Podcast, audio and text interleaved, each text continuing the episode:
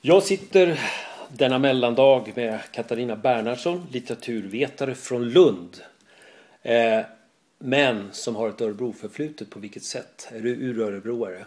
Ja, jag är född, uppväxt och har gått hela min skolgång i Örebro. Eh, och flyttade inte härifrån förrän jag skulle börja studera på universitetet. Just det, och det har du gjort med stor framgång för nu i höst så är du aktuell med en mycket uppmärksammad eh, avhandling. Mm. Vad, vad heter den? Den heter Litterära besvär. Eh, jag försökte hitta en så lite rolig titel som inte för mycket framstår som lång och trög. Så litterära besvär, men sen har den en lite längre undertitel då. Skildringar av sjukdom i samtida svensk prosa. Som lite mer exakt säger mm. vad det handlar om. Mm. Den har en, ska vi säga, om man tittar på den, det, är inte, det här är inte det bästa mediet för att titta på den, men vi kan beskriva den faktiskt för den är ganska, vad ska vi säga, åskådlig. Själva mm. avhandlingen, den är utgiven också ska vi säga hos Ellerströms ja. förlag. Och eh, den är, har ett par lungor, eller hur? På framsidan. Mm. Som är väldigt suggestiva. De är gjorda av en vän till dig, eller? Ja, det är en vän till mig som är designer i New York som gjort den. Ja. Eh, och eh, det är ju lungor, men det är ju också, om man vänder på boken, så ser man att artärerna eh, här bak, artärerna ah. är Just. samma sak. Alltså mikrokosmos och makrokosmos möts. Artärerna är egentligen trädgrenar. Ja, just det. De, de, precis. Det, alltså livet och så naturen och, mm. och livet och döden och allt det här går ihop på något sätt. Dessutom eh, anspelar det på en bok som vi ska återkomma till också där, där vi har en hjärna faktiskt. Ja, minst en bok Minst en bok, ja precis. Det anspelar säkert på de allra flesta av böckerna som vi kommer till. Den här eh, doktorsavhandlingen har, finns ju naturligtvis många bevekelsegrunder till. Men du har faktiskt också tillägnat dig din morfar. Ja, eh, och eh, jag ser det lite som att eh, där mot slutet när jag skrev det här tacket och den tillägnan så unnade jag mig själv att få vara lite, lite sentimental och personlig som jag inte är så mycket annars i avhandlingen. Och min morfar har ju betytt saker för den här avhandlingen på två helt olika sätt egentligen. För att dels så var han verksam som eh, läkare och arbetade just med lungsjuka och tuberkulosa mm. patienter. Och dels så var han under hela min uppväxt sjuk eh, och eh, tynade bort. Så att han har liksom för mig varit både läkardelen och patientdelen mm. väldigt tydligt redan från när jag var väldigt liten. Mm. Kan man säga. Så jag kände att jag ville dedicera boken till honom. Mm.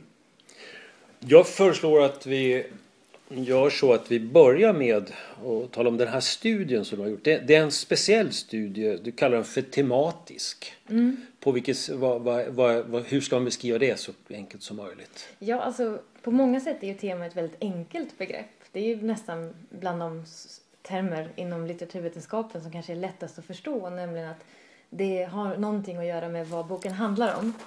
Eh, även om eh, det inte är så enkelt som att det bara är vad det handlar om utan det är väl att man snarare att man får gå lite under ytan. Mm. Det handlar inte bara om vad som verkligen utsägs utan det som man kan tolka fram ur boken. Men det är ändå som eh, de engelskspråkiga brukar säga, handlar ändå om bokens aboutness och inte bara om dess mm. form. Mm. Men det som jag upptäckte när jag jobbade med de här böckerna, det är sju olika eh, litterära verk som jag går in på mm. djupet på. Mm. Det är att eh, även när man har den ingången med eh, vad det handlar om så kommer man ändå oundvikligen in på formen.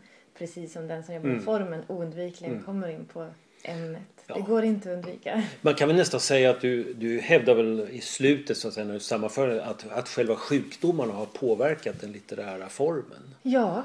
Eh, att den i viss mån har gjort det och mm. att den i viss mån har påverkat min läsning. Och ibland kanske det kan vara mm. svårt att särskilja mm. vad det verkligen eh, finns så att säga inlagt av författaren och vad ingår i att jag har det raster jag har när jag läser dem. Men jag tror inte att det är så att det bara är det som jag mm. ser för att jag är ute efter detta utan de handlar ändå, jag har ändå valt verk som så pass djupgående handlar om sjukdom. Det är inte mm. så att sjukdomen är en liten bisak utan Nej. den är ändå ganska central och därför så tror jag det är med fog jag kan mm. säga att, att sjukdomen har mm. påverkat formen. Mer eller mindre i dem får man säga. I din avhandling finns det jättemånga trösklar, gränser, gränsöverskridande och sådana saker som har att göra med... En av de första trösklarna du faktiskt måste ta dig över, gränserna som du måste dra, det är ju vad menar du med sjukdom egentligen? Ja, ja det är ju en sån där sak som, som det Augustinus sa om tid. Att när ingen frågar mig så vet jag vad det är. Men om någon frågar mig så är det ganska svårt att svara Mm. på. Vad är egentligen sjukdom? Mm. Vad är egentligen motsatsen då? Vad är Mm, hälsa? hälsa då ja. Och det finns ju väldigt många sätt att se på det. Men det som jag är ute efter här det är ju inte sjukdom på det sättet som en läkare är ute efter. Att man kan hitta förändringar, patologiska förändringar som man kan koppla till eh, någonting. Utan det handlar ju om hur sjukdomen upplevs. Eh, alltså upplevelsesidan, den erfarenhetssidan av Mm. sjukdom och hur den då skildras i Hur den skildras alltså. Du, du talar ju med, med du har väldigt många tänkare där som får tycka till om de här begreppen. Mm. Du talar om alltså att man skildrar en sorts upplevd erfarenhet Ja. då, Ja. som ett centralt begrepp vad jag förstår i det här. Precis, och det är ju inte så att alla de som skriver de här verken har upplevt detta. Utan det handlar ju om skönlitteratur där de, det är ju Mm. fiktion. Så att det handlar ju om att de har tänkt sig in i detta och i, har upplevt olika saker. Men det är inte så enkelt som att det handlar om så här upplever människor Mm. sjukdom. Mm. Det hade det kunnat göra om man hade valt att titta på självbiografiska. Berättelser. Men fortfarande hade det ju inte varit rakt av bara det som upplevt. Det är ju ändå bearbetat och, Mm. och Ja, fiktionaliserat. precis. För det är fiction. Och det, måste man, alltså det, det är ganska svårt idag faktiskt. Man kan säga att det, det råder en viss förvirring om vad som är en roman. Mm. Ute i, eh, bland allmänheten och även bland kritiker tycker jag. Så att, eh, Ja, och det handlar ju väldigt mycket om vad litteraturen gör just nu. Att den är väldigt förtjust i att Mm. destabilisera gränsen mellan fakta och fiktion. Just det, det är det här gränsöverskridande hela tiden. Ja. Och, och, det är en intressant sak som du, du gör ju också så att du försöker beskriva, alltså man kan väl säga så att det här är en intensivt samtida Mm, eh, avhandling. verkligen. Kanske chockerande samtida har jag förstått av någon, någon kritiker. Eftersom att eh, någon av böckerna är ju publicerad för bara ett par år sedan. Mm. Ehm, och det hade ju inte varit möjligt skulle jag säga om jag inte hade varit så, kommit så långt i arbetet med själva tematiken och med att syssla med sjukdom så att det går att Mm. föra in ett verk ganska sent. Mm. Eh, hade jag haft en annan vinkel hade jag kanske inte kunnat göra det riktigt för det är väldigt tätt. Mm. Men jag tyckte det var spännande att kunna jag försöker ju på något sätt eh, föra fram idén om att det här med att syssla med sjukdom, att, att studera sjukdom inom humaniora, att det är väsentligt. Och då Mm. kändes det bra att dels ha någonting ganska samtida som gör att människor kan känna en aha-upplevelse över varför det här kan Mm. vara spännande. Eh, Och dels att ha då f- ganska många verk, för Mm. det är inte alltid man har riktigt så många verk. Men för att visa på bredden Ja, och sju, möjligheterna. du har sju som vi ska återkomma till. Ja. Men, men alltså det är också så att du, du gör någonting annat som är ovanligt också. Du använder det av kritiker, alltså Ja. litterära kritiker. Ja, för att, recensenter och kritiker. För, för att liksom analysera romanerna som du gör med, en- med en väldig värv så att säga. Ja, och det som är viktigt där tycker jag, det är att det inte bara handlar om att eftersom att det är så ny litteratur så finns det inget annat. Utan jag Nej. vill också påstå att kritikerna har någonting viktigt att komma med. Att många Mm. av de som skriver, inte alls alla, inte varje gång, men många av de som skriver recensioner är väldigt goda läsare Mm. som gör någonting väsentligt av sin korta utrymme. Så jag, det är också ett sätt att liksom Mm. lyfta att det här är inte värdelöst ur en vetenskaplig synvinkel. Nej, precis. Det känns lite smickrande att se en del kollegor där som eh, fa- faktiskt känner det som, som är med och hjälper till så att säga, hjälper fram resonemangen.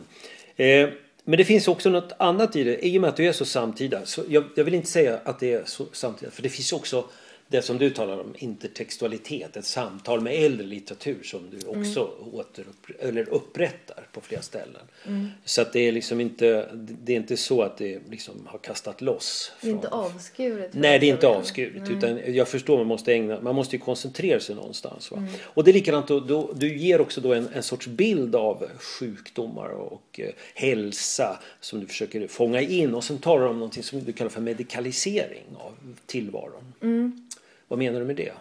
Ja, det, det är ju inte jag som har myntat det begreppet. Eh, Jag har ju en, en bra definition av det i eh, boken som jag inte kommer ihåg på rak arm nu. Men det handlar alltså om hur, hur samhället eh, använder medicinska termer, använder ett medicinskt synsätt på allt mera saker. Alltså Mm. det breder ut sig någon slags eh, medicinsk blick på fler och fler Mm. eh, sätt att vara, kanske fler och fler aspekter av, av samhället eller av livet.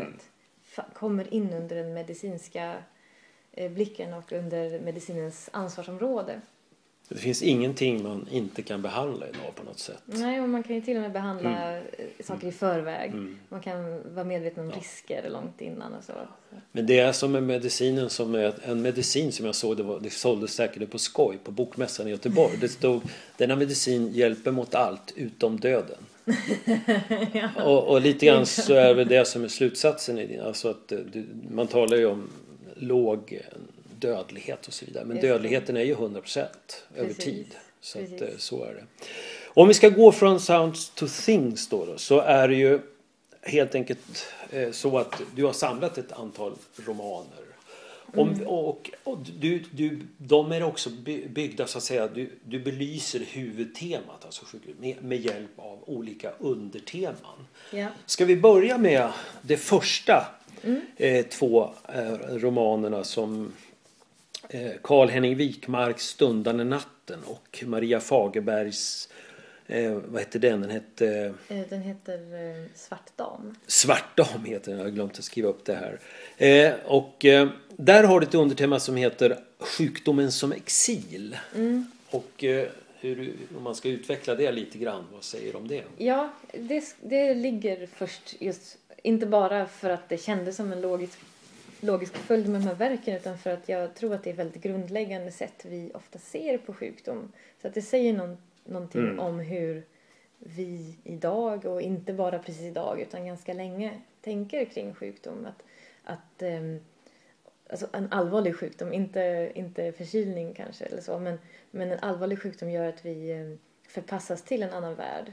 Att vi inte längre får plats i det vanliga, produktiva, ganska snabba och krävande livet utan vi kommer in i en Mm. helt annan tillvaro, till exempel då i sjukhuset. Mm. Och det det här otroligt berömda Susan Sontag-citatet som jag också nämner. Ja, just det. om det att eh, eh, varje människa har medborgarskap i två eh, länder, eller två kungariken, de friskas och de sjukas värld.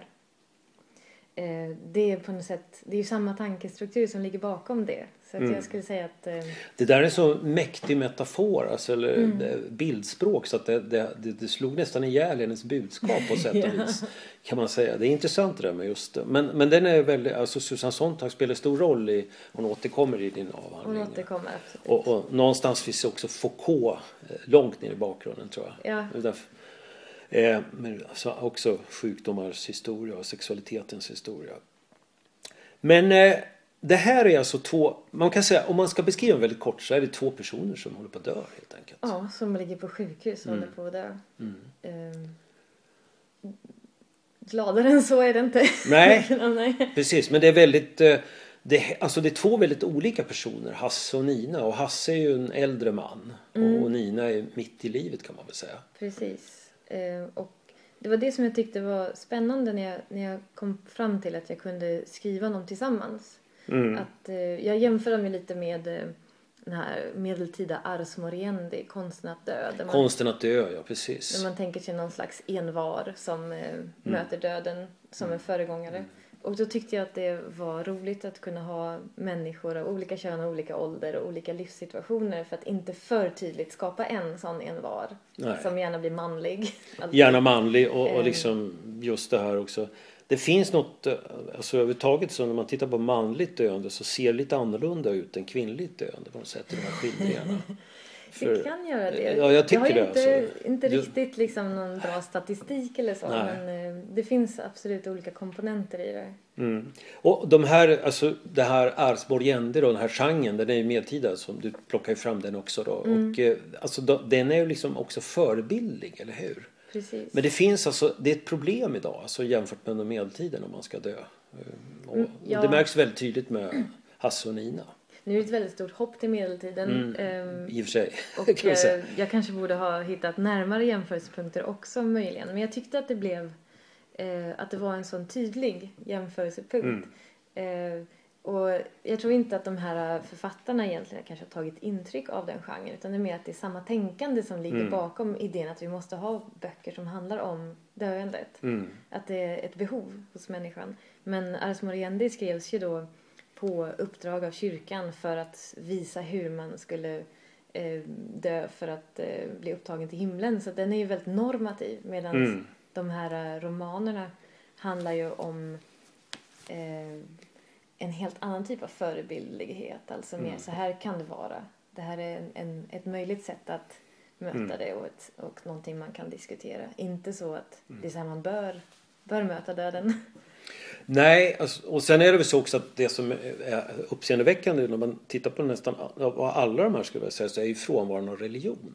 Alltså, Ja, inte i Torgny Lindgren. nej, Tony Lindgren har väl lite religiös tematik framförallt i botten på Mm. hela. Men, men hos de här och till exempel hos Anders Paulrud då, den här fjärilen i min hjärna. Mm. Som ju också handlar om att dö. Eh, Ja, där, där har du ett undertema om man går vidare för de är rätt så lika varandra. Ja. För de, de är någon sorts eh, konsten att dö eh, böcker om man ska uttrycka sig lite kanske lite cyniskt. Kanske i, i cyniskaste laget så att säga.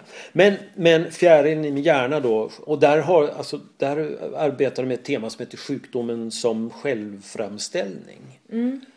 Jag hade från början planer på att låta det ingå i samma kapitel som de här två andra. För, just för att det handlar om den här Mm. rörelsen mot att, att eh, närma sig döden och eh, reflektera över det. Men sen tyckte jag att den skilde sig tillräckligt mycket för att förtjäna en egen plats just Mm. utifrån att det faktiskt handlar om hans egen döende och att han eh, dog i samband med publiceringen.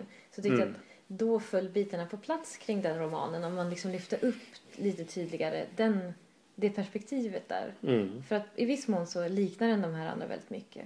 Mm. Men till exempel så är det väldigt få interiörer från ett sjukhus. Och det tror Mm. jag kan handla om att om man befinner sig där så behöver man inte skriva fram den eh, eh, miljön. Mm. Men, men om man som romanförfattare vill placera in en eh, döende i sjukhusmiljön så blir man mer än noggrann med att beskriva den miljön. Och det är Mm. den typen av olikheter som jag tyckte gick lättare att lyfta fram Mm. Om, den, om man, om man Ja, om man fokuserade tittar- på detta det med finns ju-.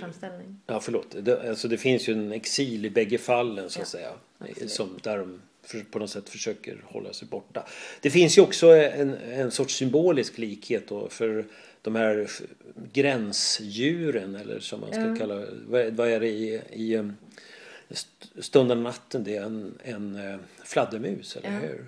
Och här är det en, en en fjäril vars symbolik vi inte riktigt kan gå in på helheten för den är väldigt, väldigt avancerad. Men, men ja, vi nämnde ju omslaget på din bok här och Anders Paulsruds bok har en, en fjäril kan vi säga på omslaget. Men det är en hjärna, eller hur? Ett Mm. röntgenfotografi. Mm. Och vad är fjärilen där? Den, Fjärilen är ju liksom en form som Mm. avtecknar sig i den här röntgenbilden och som Mm. han då påpekar absolut inte är någonting privat utan alla ser ut så i hjärnan. Mm, Eh, Det är så hjärnan ser ut helt enkelt men han tolkar den som en fjäril. mm. Ja, ja, den är väldigt lik. När, man får höra eller får benämningen på den så är det väl lätt att hålla med om att detta är alltså en, en fjäril. Va? Och det är en fin tanke att alla människor bär en fjäril i, Mm. i sitt huvud. Just det. inte bara Och sen, sen förs det över till att hans berättelse som ju handlar om, eh, om hur han så att säga åkreser och så. Det, han, han drabbas ju av cancer två gånger. Mm. Först i hjärntumör som han överlever och sen eh, blir det slutligen tobaken, alltså lung- lungcancer som tar hans liv. Men att fjärilen, det är väl någon kritiker, hon Ström, som har skrivit att eh, fjärilen är själva berättelsen som Mm. fladdrar ut till oss. Den Mm. blir liksom kvar. Det, det är en komplicerad... Det, du komplicerar ju också bilden av är detta, hur mycket är själv upplevt eller ska man säga självframställt i det här Mm. och hur mycket är så att säga fiktion. Mm. Och framförallt så märks det ju att han inte har tagit med en del av sitt, sitt liv heller. Och det är klart, det kan ju inte vara någon, han kallar ju för roman. Han dessutom. kallar det för roman. Så att eh, man kan ju inte fordra liksom av att, att man ska redovisa hela sitt liv. Så, Nej, jag tror han sa att, att han genom romanbegreppet kan utmejsla det som han tycker är det väsentliga och i viss mån Mm. kanske det allmänmänskliga och inte falla in i det privata. Alltså jag, Mm. jag får en känsla av att han har, har velat undvika det alltför privata. Ja, precis. Det, han håller en viss distans till sitt eget, sitt eget, sin eget liv där Mm. kan man säga. Sen, sen finns det där, väl, i just den här delen då, nu vi, det är tredje boken så att säga vi är inne på, så, så finns det en väldigt tydlig, eh, eh, vad ska vi kalla för, eh, dialog eller här intertextualitet med andra Mm. verk. Och det är ju det, det Svevo och Stern. Just det. Två, Laura- två reseböcker så att säga. Eller två resande också. Som, Ja. som också har jag tror inte vi kan gå in för mycket på det men jag tror att det är väldigt viktigt att just berätta om det. Att, att du, du för ändå...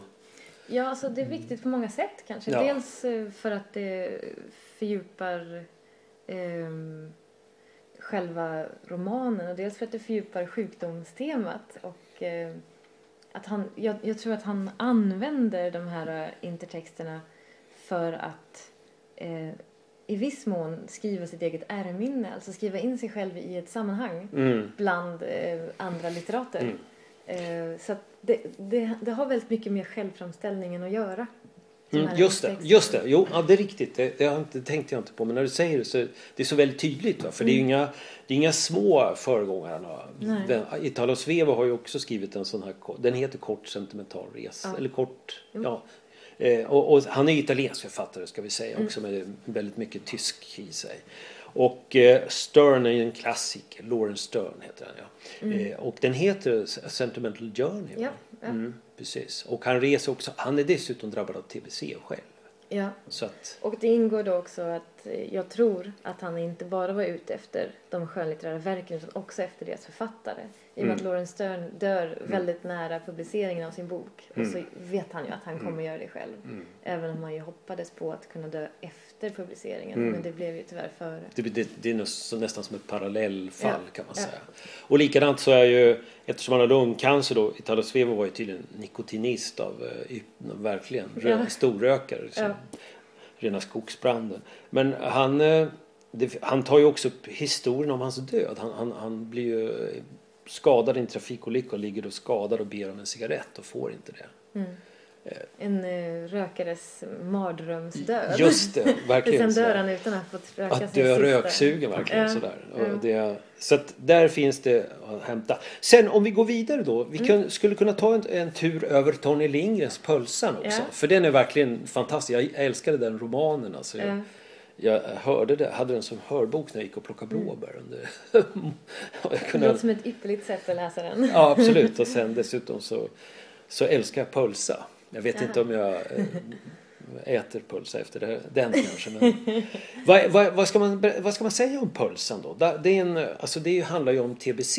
Mm, Och vi är i 40-talets Sverige. just det. I en tillbakablick från 2000-talets Sverige som Ja. också finns med i romanen. Den är ju oerhört berättartekniskt komplicerad. Så att eh, den har ju verkligen varit en utmaning att arbeta med kan jag säga. Eh, Så det, det kan vara lite svårt att sammanfatta vad det är som man kan få Mm. fram där. Men eh, två saker är väl att dels så eh, tror jag att här kan man verkligen tala om att tuberkulosen påverkat formgivningen av romanen. Mm. Att liksom det här, både puls, pulsen och tuberkulosen, lungmoset och lung- lungsoten, Ja. de är ju väldigt nära sammanbundna i romanen. Och de blir också en bild av romanens form på något sätt. Att den är till synes formlös men Mm. samtidigt är den den perfekta formen. Ja, man, man kan ju säga att en, en av huvudpersonerna är ju på jakt efter den perfekta pulsan. Och att återigen bli TBC-smittad. Ja, det är väl inte uttalat om han Nej, verkligen är ute nej, efter det. nej. Men det finns det, det verkar så. Alltså. ja. Ja.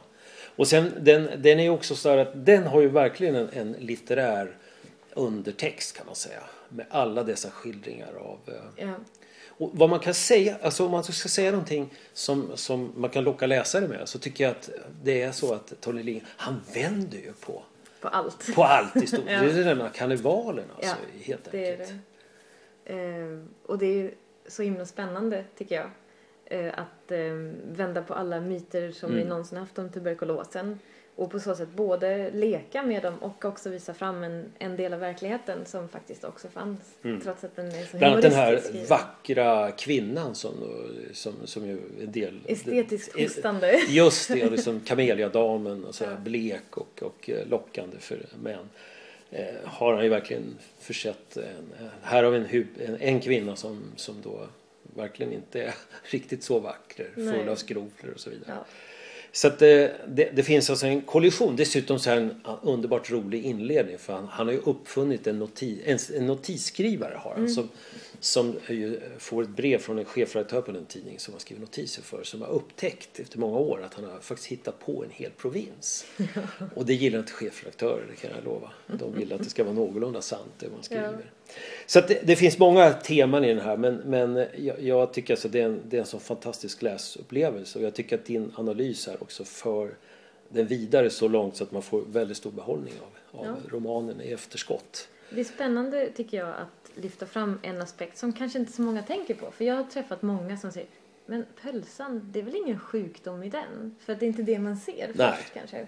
Så att även om jag då liksom måste strunta i många jättespännande diskussioner som man kan föra så ly- lyfter jag fram någonting som, som kanske kan bli lite av en aha-upplevelse. Att ja, men det Mm. var ju faktiskt riktigt mycket sjukdom och det är ju väldigt väsentligt i den här romanen.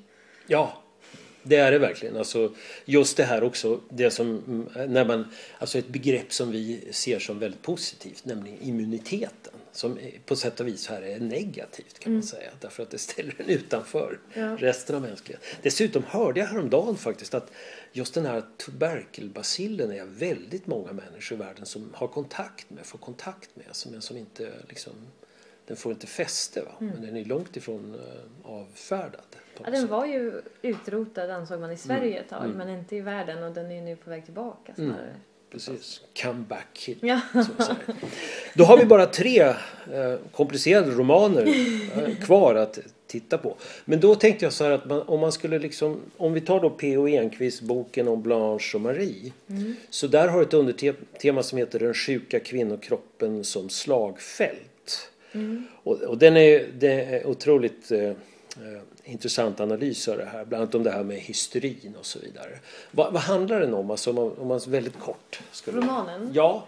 Ja, det är svårt att vara kortfattad om Mm. Enquist kan man säga. Det handlar ju om ehm, Boken om Blanche och Marie handlar om tre personer och inte två som det kan låta som. Nej. Det handlar om eh, Blanche Wittman som var en för sin tid väldigt känd hysteripatient som förevisades ofta för Mm. läkare och allmänheten också av Jean eh, Martin Charcot som då var mycket känd eh, Neurolog. eh, från början neurolog Mm. men som började intressera sig för hysteri. Mm. Eh, och han finns inte med i titeln men han Nej. är väldigt väsentlig i Mm. boken. Och sen är Marie då Marie Curie Mm. som eh, Den stora vetenskapskvinnan. precis Mm. eh, som. Med två Nobelpris vilket är helt fantastiskt. Mm. Men då så låter Enquist Blanche och Marie eh, träffas och Blanche är eh, assistent hos Marie Mm. Curie och på så sätt Mm. så väver han samman de här två väldigt olika kvinnornas Mm. levnadsöden. Och de träffades aldrig så att säga in real life. Nej, det är väldigt osannolikt. Osannolikt Ja. eftersom de inte är riktigt samtida heller. Ja. De är väl samtida men eh, som det verkar så har han låtit eh, Blanche Wittman leva längre för att hinna med Ja, att vara assistent precis. hos Marie Curie. Mm. Eh, Men det finns en, alltså det, det, det är en ganska typisk P.O. Enquist roman på ett sätt med, med en berättare som lägger pussel, eller hur? Mm. och som hela tiden för tillbaka Mm. diskussioner till sig själv och sina erfarenheter och verkligen bottnar i sig själv samtidigt som man undersöker den här tiden. Men, men i den här boken, och även de som vi ska återkomma till lite senare då, då, så finns det feministiskt perspektiv, eller hur? Mm. Och det är det här med hysteri bland annat. Mm. Eh, det finns... ehm, ja, frågan är om det finns ett feministiskt Nej. perspektiv eller till och med Nej. flera kanske. Men det finns ett starkt eh, element av eh, maktasymmetri till exempel. Mm. Att eh, om vi tar den här Charcot, den berömde läkaren, så är han liksom både man, rik, berömd, Mm. utbildad medans hans, och frisk. Medan Blanche Wittman då är sjuk, kvinna, outbildad, eh, helt okänd, Mm. förutom när han lyfter fram henne. Eh, och och eh, den här enorma diskrepansen Mm. är ju otroligt spännande.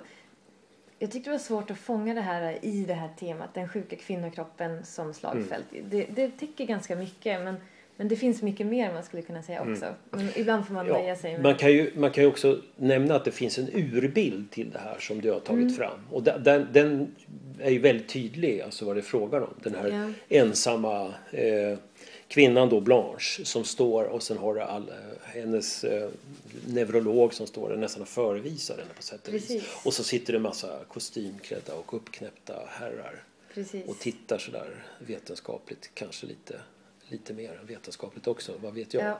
Och det som är så spännande med det är att en målning som gjordes på Charcots eh, begäran Mm. under hans tid. Så den är inte tänkt som en, eh, en bild av utsatthet utan den är tänkt som en bild av honom och hans skola och deras Mm. förträfflighet.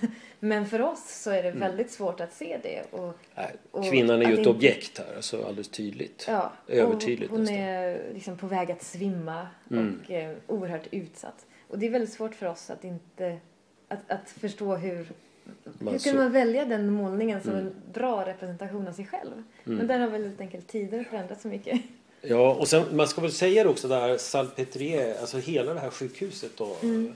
eh, hans eh, idéer sådär, de hade ganska stor räckvidd också. Jag tror att Strindberg var intresserad av vad som gjordes där också. Alltså det, här, det här är någon sån sak som jag har letat efter lite grann och som jag har förstått det så var nog aldrig Strindberg där men det förtäljs ofta att han var där, även Mm. i den här romanen. Mm. Men det är väldigt osäkert om det verkligen var det. Men han var ju däremot väldigt intresserad Mm. av hysteri och degeneration och alla såna idéer. Och kvinnan som en mörk kontinent alltså, Ja. Mm. som, som man skulle upptäcka sådär på något sätt. Väldigt, det är nästan så det låter som kolonialt. Alltså, det är ju Precis. samtida med kolonialperioden här. Alltså. Precis, det är en parallell rörelse till...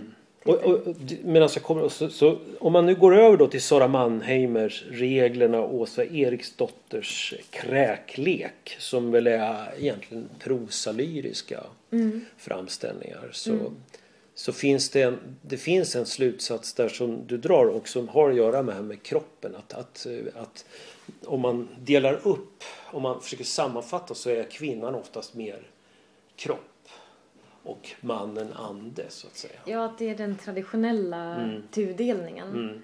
eh, som då de här eh, jag-berättarna handlar om i båda fallen. Måste, Mm. eller de, de, de tvingas förhålla sig till det och de kan inte lösa knuten över att de inte vill vara de där som blir kropp. Nej. Utan de vill hellre vara Mm. på sidan med, med ande och eh, förnuft och eh, kultur snarare än natur och kropp. Men, men det är så svårt när man är kvinna. Mm. Och därför så, så, så kan man säga att en del av det här ätstörningstematiken då som finns där handlar om att försöka vara någonting annat än det som kulturen försöker tvinga en till att vara. Ja, just det. Och, och det är liksom, eh, det är på något sätt, de kämpar ju verkligen eh, båda på olika sätt då. Det, dels är det, det är ju, om man tar då Mannheimer-reglerna, det handlar ju om anorexia då. Ja, eller, det, den, den är väl den som är svårt att säga att den handlar om det. För Mm. den handlar om ganska mycket Mm. mer. Alltså det finns någon slags lite mer allmän tvångsneurotisk, eh, självspäkande, tuktande tendens som Mm. också har ett inslag av anorexi. Mm. Men som jag Ja, det går, det går långt utanför. Alltså det, det, hon är helt, helt, alltså huvudpersonen, de, de har ju inga namn de här jag-personerna. De, hon är helt besatt av, av regler så att säga Mm. för att leva som är hämmande. Men det handlar väldigt mycket om eh, tukta kvinnokroppen. Mm. För att den egentligen då tillskrivs en plats. Mm. Och det är inte där man vill vara. Man vill vara någon annanstans. Nej, Eh. precis. Och, det, och sen har du då Åsa Eriksdotters kräklek. Den, den hand- handlar ju det också om ett sätt att misshandla sin kropp på något Mm. sätt och vis. Exakt, det handlar om... Det handlar också, jag, jag skriver ju om det som en bulimisk skildring. Mm. Men i det bulimi så ligger det ju alltid ett mått av anorexi också. Mm. Som sen slår över Mm. istället. Så, Ja, de, de är kanske ibland till och med parallella. Mm. Så att man kan ha samma Mm. eh, beteende. Ja, det, de som jag, det som jag själv personligen alltid haft eh, störst kontakt med det här är naturligtvis det här när man hade- hade elever som hade ätstörningar. Var, Mm. Man kände sig oerhört hjälplös. Och, Det är väldigt lätt att känna sig ja, hjälplös. man vet inte alls riktigt vad det beror på och sådana saker heller. Va? och här då så, så Mm. Om man får önska så kan man önska att om man kan diskutera de här grundläggande symboliska tvången som gör att då kvinnan är mer kropp och mannen mer ande så kanske det kan bli lättare att se att det här behöver inte vara sant. Det här är en konstruktion Mm. och det, jag, kan, eh, jag kan vara kvinna och ande så att säga. Så att, att det någonstans hjälper att man blir medveten om de här strukturerna. Mm. Jo, jo, men alltså, det väl det som, om, då kommer vi nästan osökt in på det här. För att om man sammanfattar de här alltså romaner som vi, kanske en del har behandlat lite styrmodligt av, av utrymmesskäl. Men så, så får man en, en väldigt bred och vid bild av, av eh, alltså nutida vad ska vi säga, sjukdomsskildringar. Alltså. Mm. Och, eh, det, det, det ger ju också funderingar om vad kan man använda det till? Alltså för att dels är det ju liksom för, för den, den eh, egna medvetenheten. Det är ju det som litteraturen ofta kan hjälpa en. Mm. Att se tillvaron på, på nya sätt och, och skaffa sig nya erfarenheter. Men du tänker längre också vad jag förstår. Alltså när det gäller det här. Ja. Eh, För det finns ju då forskningsfält. Alltså det här är väl kanske det första avhandlingen på ett, alltså som systematiskt mer nämner det här fältet. Det man kallar för medical humanities och medicin och litteratur. Ja, alltså det är väl den första litteraturvetenskapliga avhandlingen som verkligen Mm. vill sätta samman litteratur med medicin. Sen finns det ju människor i Sverige och i Norden som har tänkt de banorna. Men jag försöker just som du säger göra något mer systematisk genomgång Mm. av det. Så det jag gör är, tycker jag själv, på många sätt väldigt traditionell litteraturvetenskap. Det Mm. handlar om att man som litteraturvetare kan ehm, vara detektiv och spårhund åt läsaren så att säga. Lyfta fram olika mönster och betydelser som Mm. man kanske inte alltid ser själv direkt.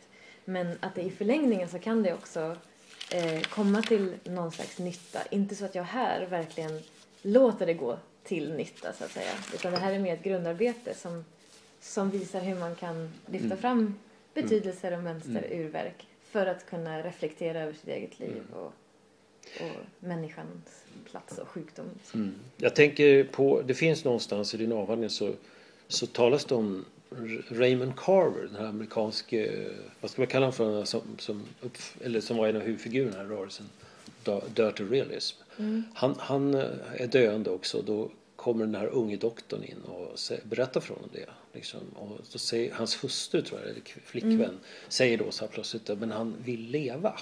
Mm. Och då säger den här läkaren så här att ungefär så här att ja men nu kommer det att passera sju stadier men i slutändan så kommer det ändå vara acceptera döendet. Ja.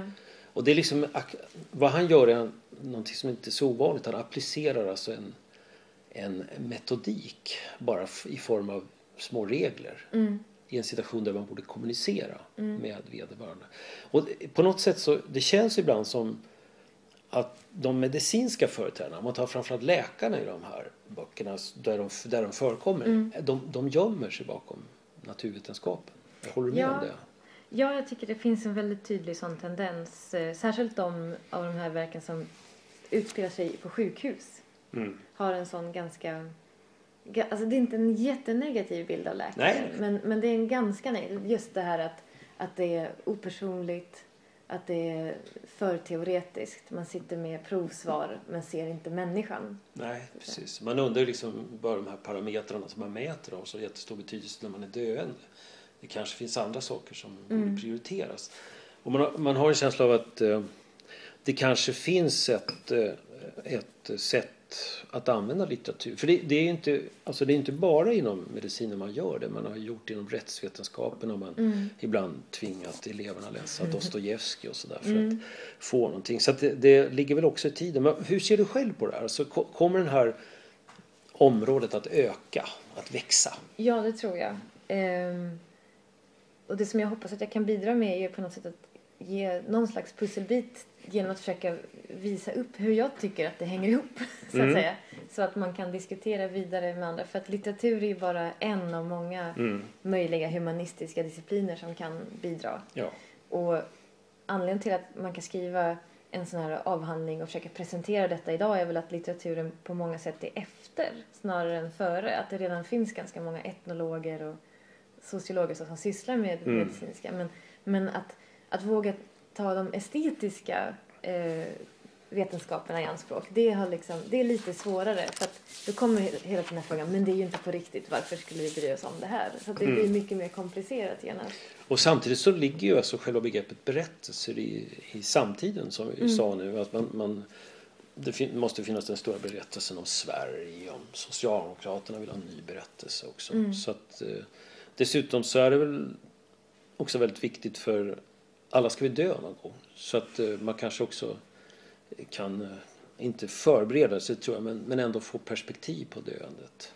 Ja, att... och på livet då eftersom att mm. det så ofta är så att även om inte Karl-Henning Wikmarks eh, karaktär i boken går med, går med på det så, så ger oftast den utmätta tiden en, ett annat perspektiv på livet. Att det, att mm. det kan hjälpa en i själva levandet. Och jag tror att jag tycker att det är det som man väldigt mycket kommer fram till i de här verken som handlar om döendet. Just att det handlar väldigt mycket om mm. snarare li livet. Mm. För att eh, det är inte så att bara de här människorna med hjärntumörer är på väg att dö utan vi är alla på väg att dö. Mm. Det är, för en del är det en trösterik tanke, för andra är det inte det. Ja. Tack så mycket eh, Katarina. Eh, jag kan bara, eh, när jag har läst den och kämpat med den faktiskt för att den, den är inte svårläst men den innehåller mycket saker. Eh, och framförallt så tycker jag det är intressant att man, om man har läst någon av de här romanerna så har man väldigt glädje av att läsa de analyser som de gör för de är så fullödiga. Och det, tycker, det är det första adjektivet som Erik Lövendahl i en understreckare i Svenska Dagbladet använde och sen djuplodande och vackert formulerad. Jag instämmer i det. Jag önskar dig ett gott nytt år. Tack så mycket. Gott nytt år. Så. Hur långt blev det? 40 och 50. Oj. Jag tycker att det är bra. Ja, det är precis vad ni har tänkt. Mm. Men ni har inte gjort så många sådana än utan det är liksom under uppbyggnad? Precis. Men är det här första? Eller? Jag tror att jag glömt stänga av Jag ska titta. Får göra något olacak.